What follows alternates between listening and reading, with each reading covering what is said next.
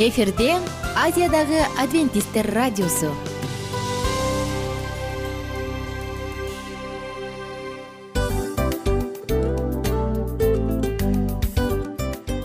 Достор салют.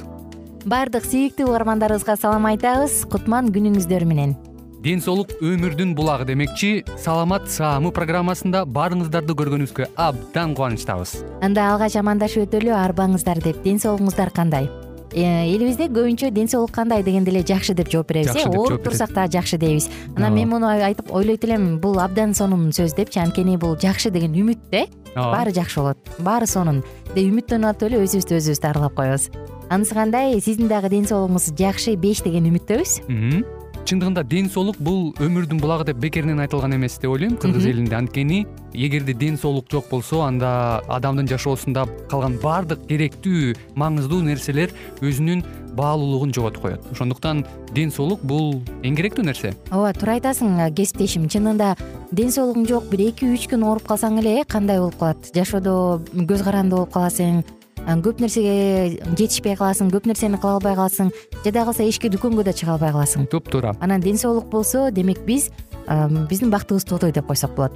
Анда достор саламат саамы рубрикабызды баштайлы. Алдыда өзүңүзгө керектүү болгон сонун кеңештерди уга аласыздар. Мына ошондуктан биз менен бирге болуңуздар. Ал эми биз болсо милан жана айнура. Кеттик алга. Алга саламат саама ден соолуктун жарчысы. Саламат саама ден соолуктун ачкычы. Күн сайын сиз үчүн мыкты кеңештер сонун жаңылыктар кызыктуу фактылар биздин рубрикада.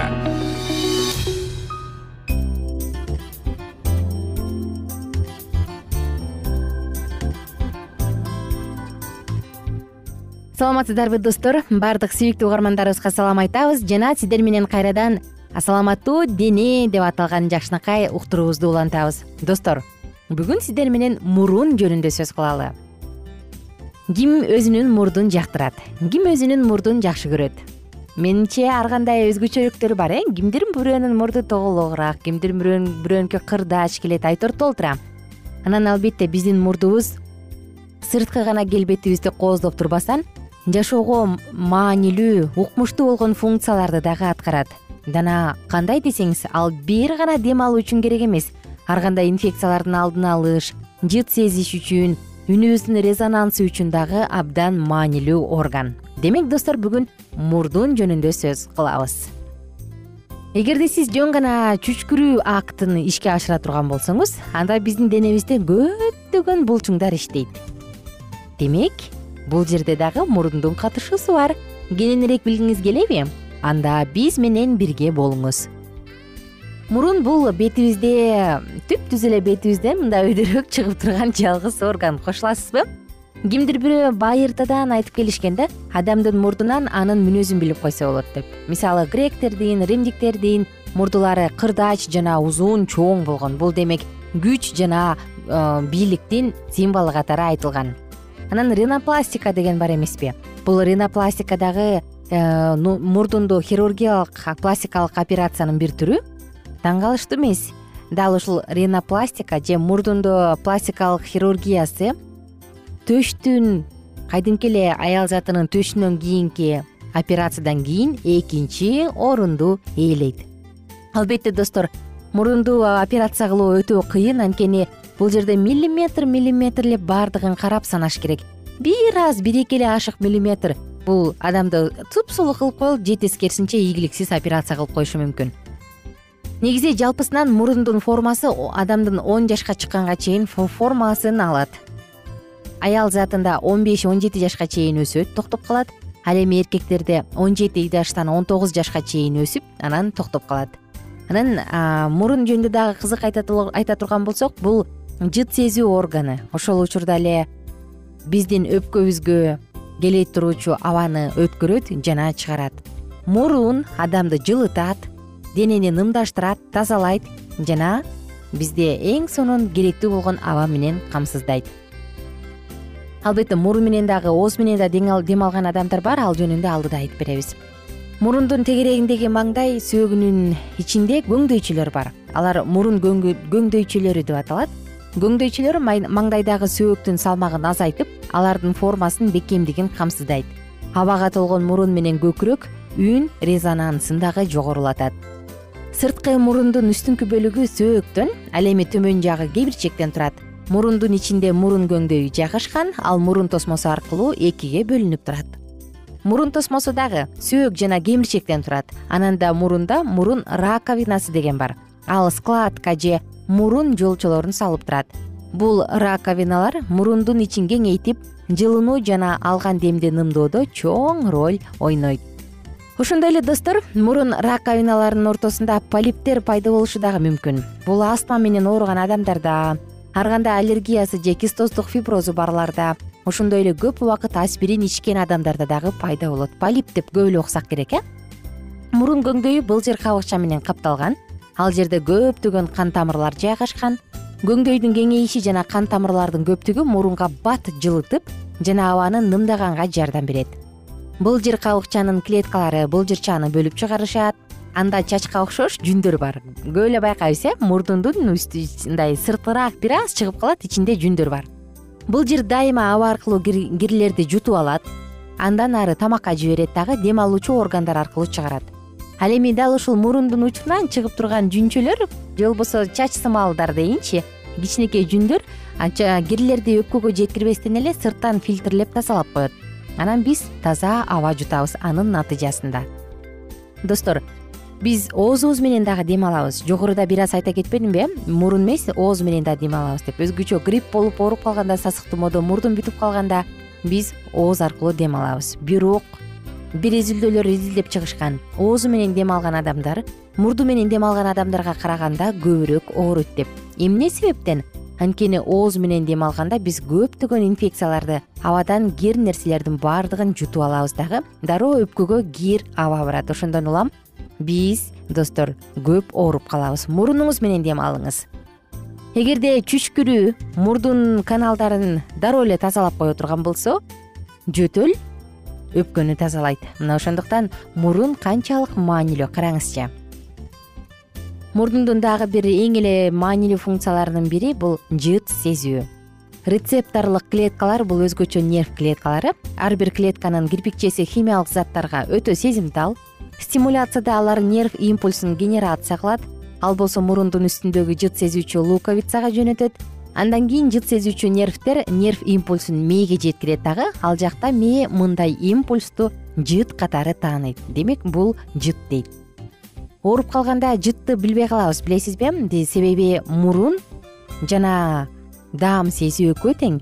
Баардыгы биригип туруп бизге тамактын даамын чыгарганга жардам берет эми болсо рецептор клетка клетканын рецепторлору же рецептордук клеткалар жөнүндө айталычы адамда мындай жыт сезүүчү рецептордук клеткалардан он эки миллион болот.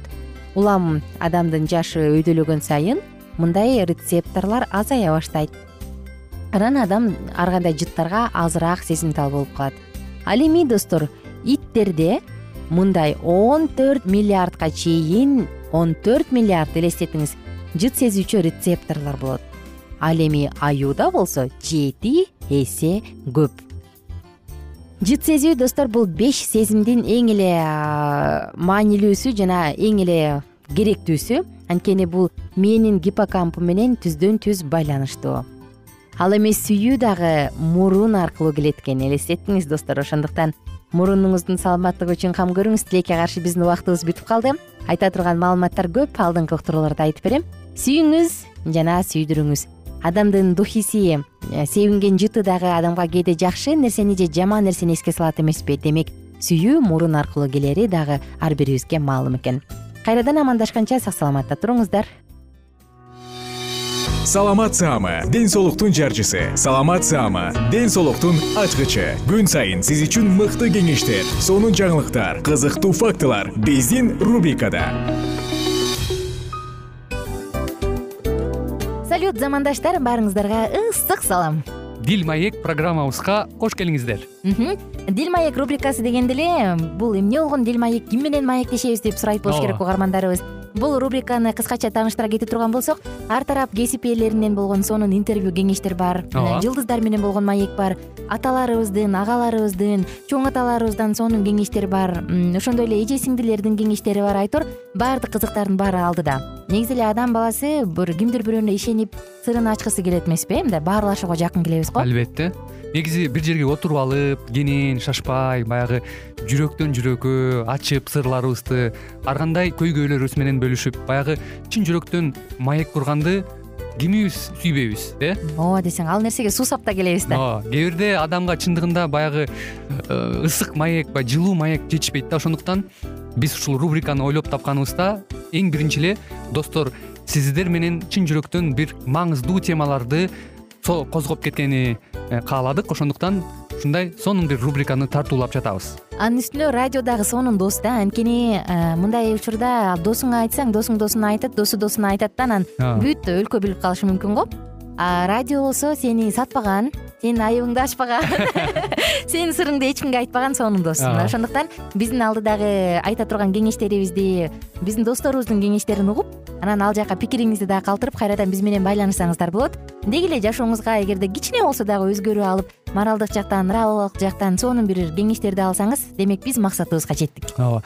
Чыңгыз атабыз улуу жазуучу э, чыңгыз айтматов айткандай адам болуу бул күнүмдүк процесс экен. Күн сайын адам бойдон калуу бул адамзатка эң эле кыйын дейт э? э эң кыйын дейт. Чындыгында бунун э, негизинде адамдын эң баягы сапаттуулугу адамдын э, адамгерчилиги жана көптөгөн керектүү нерселер. Мына ошол темалар дагы бизде ушул дил маекте биз аларды да козгойбуз. Ден соолук жөнүндө да сүйлөшөбүз. Сөзсүз түрдө анан милан мырза негизи айтып коюшат го. Биз көбүнчө эмнени ойлонсок? Ошол нерсеге карата иш кылабыз го. Ооба. Анан анысы кандай? Балким бул радио баракчада кимдир бирөөнүн оюн текшергенге жардам берет. Кимдир бирөөнүн жүрөгүн текшергенге жардам берет. Балким кимдир бирөөгө жашоонун маңызын тапканга жардам берет айтор кызыктын баары алдыда бул жөн гана кыскача жарнама анда угармандарыбыздын баардыгын кийинки рубрикабызга чакырабыз. Ал эми кызматта маңдайымда отурган кесиптешим милан жана мен айнура. Анда эмесе биз даярдаган терең терең ойлор менен таанышууга кеттик. Алыс алыс баралык. Анда эмесе достор биз менен бирге болуңуздар. Алдыда эң кызыктуу маалыматтардын баардыгы бир нече мүнөттөр бою жалгыз гана сизге арналат. Мына ошондуктан жакшы маанай менен угууну каалайбыз. Үн алышканча. Жөнөдүк. Ар түрдүү ардактуу кесип ээлеринен алтын сөздөр жүрөк ачышкан сыр чачышкан сонун маек дил маек рубрикасында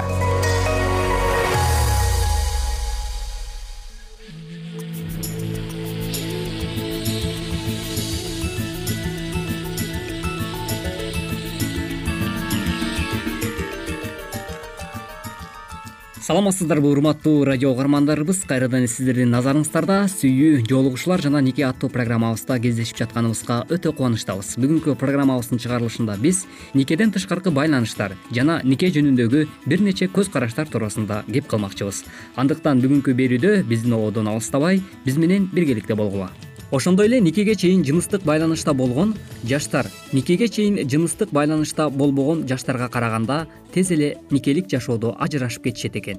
Ошондой эле кээ бир кыздар жигитин кармап калыш үчүн анын талабына көнүп жыныстык байланышта болгон жаш кыз бул ишке барбаса жигитин кармап калуу ал үчүн оңоюраак болмок эркектердин басымдуу бөлүгү.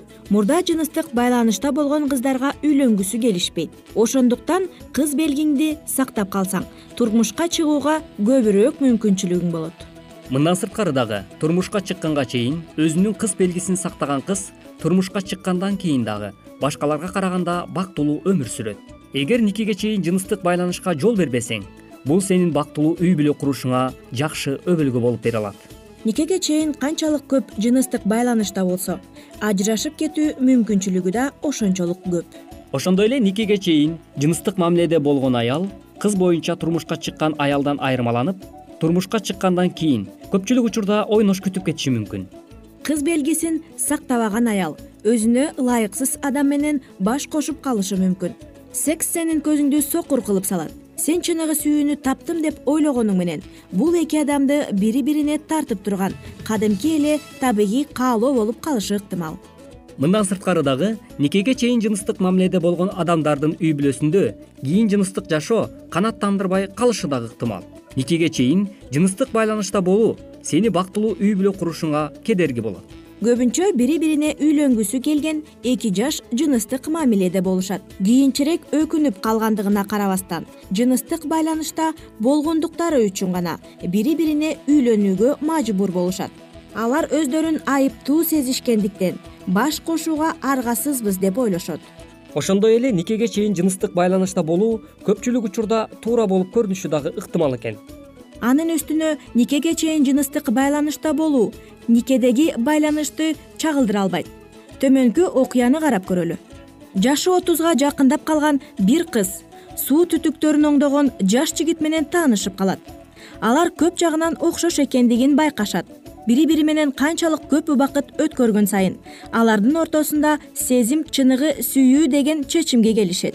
Бирок алардын ортосунда бир келишпестик пайда болот жигит алар жыныстык жагынан бири бирине ылайыктуу экендигин билмейинче үйлөнбөй тургандыгын айтат. Кыз никеге чейин жыныстык байланышта болууну туура эмес деп эсептегендиктен буга макулдугун бере албайт. Бирок жигит ал каалабаган нерсени талап кылгандыгын уланта берет. Кыз анын каалоосун аткарбаса ага үйлөнбөйм деп коркуткандыктан аргасыз макулдугун берет. Бул окуянын аягы эмне менен бүтөөрүн элестетип жатсаңар керек кыз өзүн ушунчалык күнөөкөр сезип аябай тынчсызданып жаткандыктан алардын биринчи түнү экөөнүн тең үмүтүн актаган эмес. Жигит биз жыныстык жагынан бактылуу боло албагандан кийин үй бүлө куруунун кандай кажети бар деп кызды таштап кеткен. Бул тузактан кантип кутулса болот? Никеге чейин жыныстык байланышта болуп көрүү керек? Деген ойдон алыс бол. Силер чындап эле бири бириңерди сүйсөңөр бул тууралуу бул тууралуу кабатыр болбосоңор деле болот. Андан кийин никеге чейин жыныстык мамиледе болуу никеден кийин жыныстык мамилелерге тескери таасирин тийгизбей койбойт экен. Өзүн сыйлабай калуу никеге чейин жыныстык мамиледе болуу менен байланыштуу. Бирок бул сезимдер никеден кийинки мамилелерге да тескери таасирин тийгизбей койбойт. Андыктан бул туурасында алдын ала ойлонуу шарт экен ошондой эле биз азыр ушул буга чейинки программабызда айтып келгендей эле никеге чейин э, бактылуу үй бүлө куруш үчүн жыныстык байланышта болуу бул э, жараткандын алдында э, чоң күнөө болуп саналат дегенбиз. Андыктан бул үй бүлө куруу жаатында үй бүлөнүн негизги автору болуп бул биздин жараткан кудайыбыз болуп эсептелинет экен деги эле ошол биздин жаратуучубуз бул бактылуу никенин эрежелери кандай болушу керек? Ушул туурасында дагы эскерткен кээ бир эрежелер бар. Анда эмесе биз азыр ушул э, кудайдын деги эле э, никелик жашоого болгон каратаанын көз карашы анын каалоосу кандай болот экен? Ушул туурасында азыр карап көрсөк. Албетте кудайдын ою баарынан жакшы. Кудайдын каалоосу жана эң жакшы нерсе бир эле ойду билдирээрин биз жакшы түшүнүшүбүз керек. Кудай бизге эң жакшысын каалайт анын ар бир тыюу салуусу анын сүйүүсүнөн кабар берип турат. Ал сени кызыкчылыктарыңды жактайт. Бизди бул жашоодон ырахат албасын деп кээ бир нерселерге тыюу салып койгон эмес. Ал белгилеген эрежелер толугу менен жана узак убакытка чейин ырахат алууга багытталган. Кудайдын каалоосун аткарып анын көздөгөн максатына жетүү оңой эмес бирок муну аткарган адам сыйлыксыз калбайт. Жаркынай деген бир жаш кыз дал ушул жолду тандап алган. Анын достору ал жашоонун баардык жыргалчылыктарынан баш тартып жатат деп ойлошчу.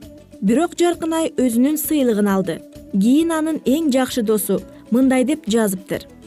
Жаркынай жаштык кездеги күнөөлүү кумарлардан баш тартып биз менен бирге бузукулукка жана ыпластыкка толгон кечелерге жана бийлерге барбайм деп чечти. Жаркынайды карагылачы. Ал жакшы адамга турмушка чыгып бактылуу жашап жатат. Күйөөсү да аны сүйөт. Ал эң бактылуу адам. Ошентип жаркынай жаш кезинде тандап алган тар жолдун үзүрүн көрүүдө. Кымбаттуу угармандарыбыз бүгүнкү берүүбүздө дагы бактылуу никенин баалуу эрежелери туурасындагы жакшы факторлорго дагы күбө боло алдык бүгүнкү уктурууга назар салганыңыздар үчүн ыраазычылык билгизүү менен биргеликте ушуну менен бизге бөлүнгөн убакыт дагы өз соңуна келип жетти. Кайрадан эле биз сиздер менен дал ушул ободон үн алышканча сак саламатта болуңуз.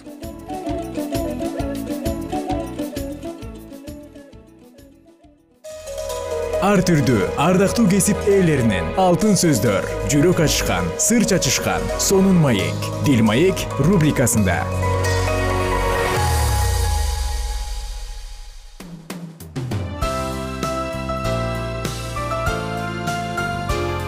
эфирде азиядагы адвентисттер радиосу.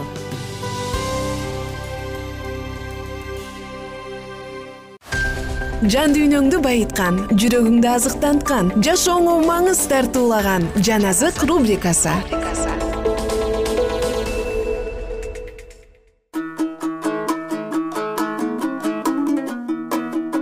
саламатсыздарбы? Баардык биздин сүйүктүү угармандарыбызга ысык салам айтабыз? Жана сиздер менен бирге жан азык радио баракчасында эң сонун улуу күрөш китебин окууну андан ары улантабыз. Биз менен бирге болуңуздар.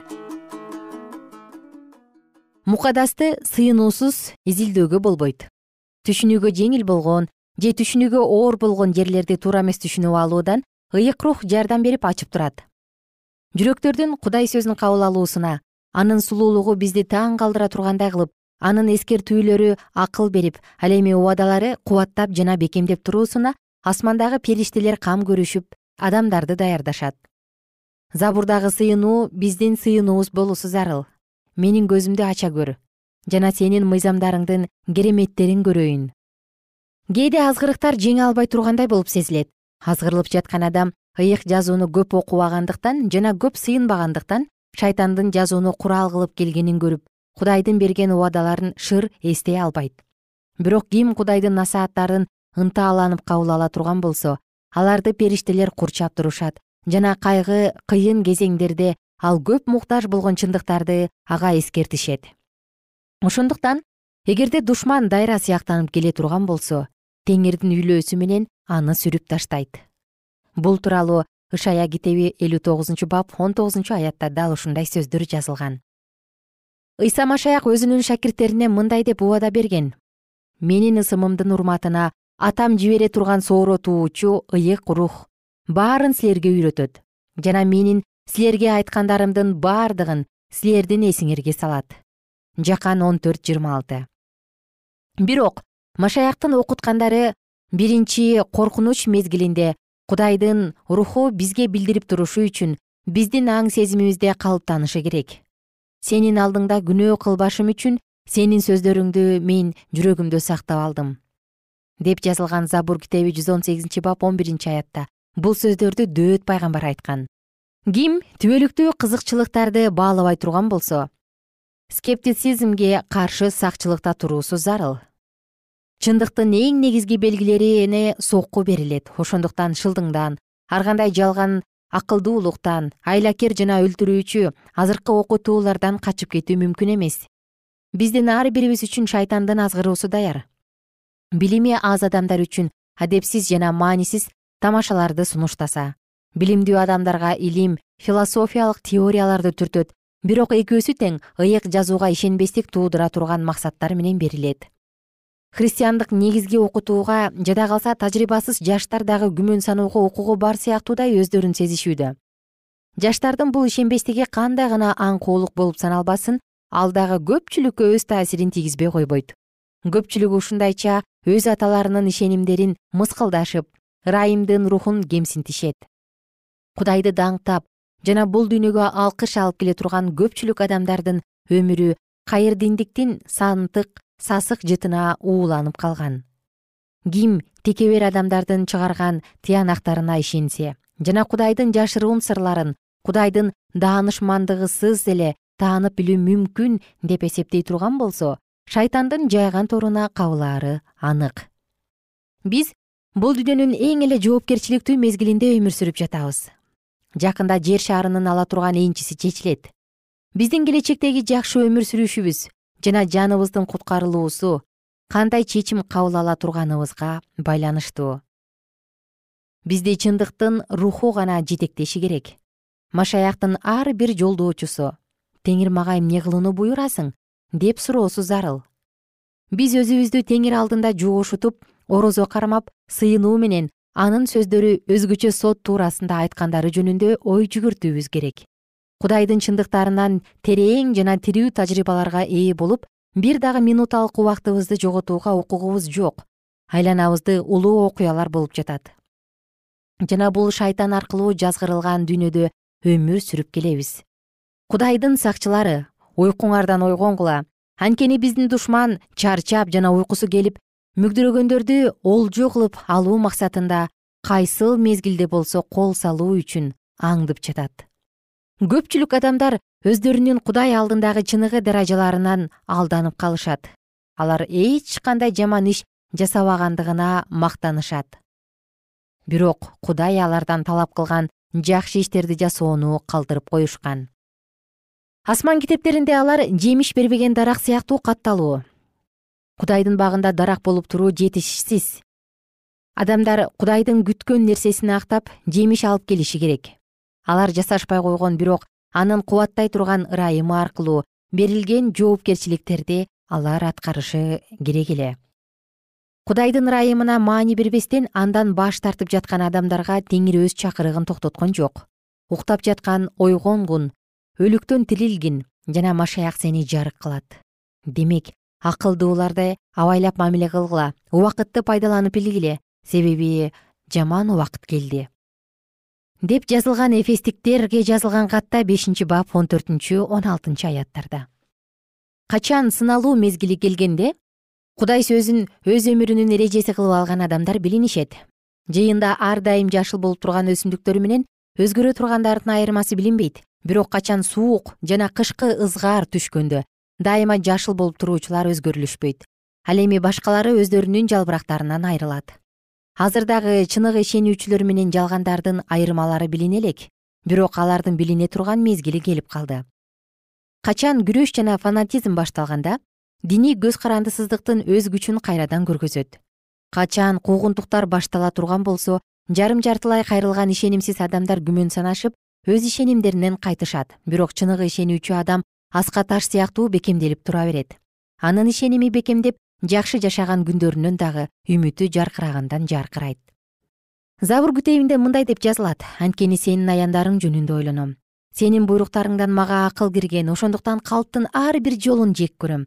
Акылмандылыкка ээ болгон адам бактылуу анткени ал суу боюнда тигилип тамыры агымга малынып турган дарактай экен. Ал күндүн ысыгы качан келерин билбейт. Анын жалбырактары көгөрүп турат. Кургакчылык болгондо дагы ал коркпойт ал мөмөсүн токтотпой берип турат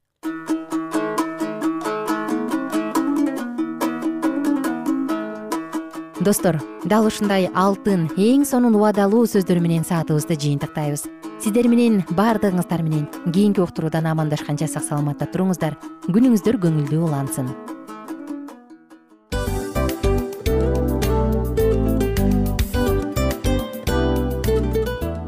достор биздин радио баракчаларыбыз соңуна келди. Демек бул программабызды дагы жыйынтыктачу учур келдик. Учурга келдик. Анан кесиптешимден сурагым келип турат. Негизи эле иштин башталып атканы кубандырабы сени же жыйынтыгы кубандырабы?